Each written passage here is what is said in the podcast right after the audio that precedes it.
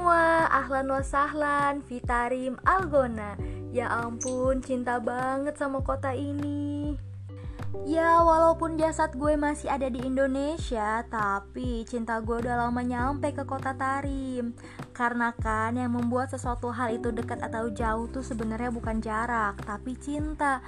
Kalau kita udah punya cinta terhadap sesuatu Gak akan ada lagi tuh yang namanya kata jauh. Semuanya pasti akan terasa dekat Karena yang menjembataninya itu adalah perasaan Nah, untuk cerita tentang kota Tarim kali ini, tentunya gue nggak mau ngambil dari artikel-artikel yang gak jelas kekonkretannya atau dari tulisan-tulisan yang gak jelas dari mana sumbernya. Tentunya gue ngambil cerita ini dari salah satu akun Instagram, yaitu Hadromi, yang sebenarnya akun ini tuh udah mempublis lebih dulu tentang cerita Tarim ini. Tapi kenapa gue aplikasiin lagi ke podcast? Karena kan yang namanya membaca dan mendengar itu beda ya kan. Jadi buat teman-teman yang mau membaca ataupun seneng yang membaca, bisa langsung ke akun Instagramnya Hadromi. Tapi buat teman-teman yang pengennya yaudah deh gue pengennya dengerin aja, kalian bisa langsung ke podcastnya Rentang Rasa. So, langsung aja kita akan memasuki dunia Timur Tengah. Kota Tarim atau Kota Seribu Wali. Tarim adalah salah satu kota kecil nan tua yang terletak sekitar 1150 km dari ibu kota Yaman. Nah, nama Tarim ini sendiri diambil dari nama seorang penguasa yang pernah berkuasa di kota ini, yaitu adalah Tarim bin Hadromaut, yang diyakini hidup 3000 tahun sebelum agama Islam diwahyukan. Kota ini juga merupakan salah satu kota terpenting dalam sejarah kebudayaan Islam. Secara, kota Tarim ini dinobatkan oleh salah satu lembaga resmi PBB yang bergerak di bidang pendidikan sains dan kebudayaan Islam sebagai kota kebudayaan Islam di tahun 2010 memang sangat layak dan pantas. Kenapa tidak?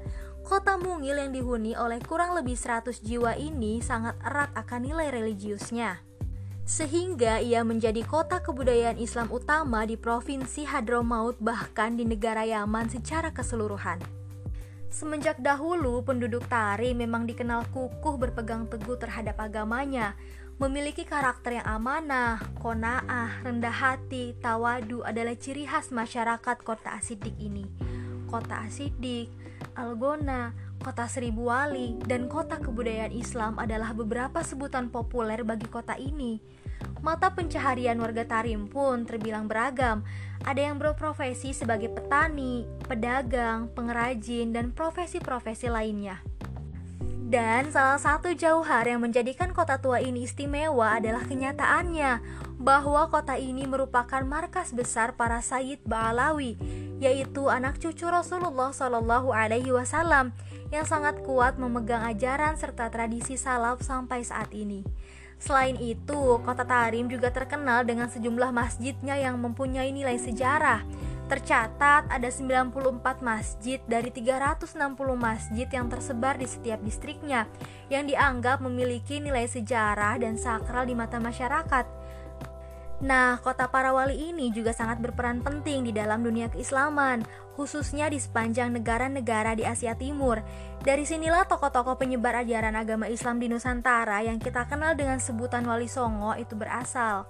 Oleh karenanya, peran Tarim sangat dikenal dan dirasakan oleh kita semua yang ada di tanah air.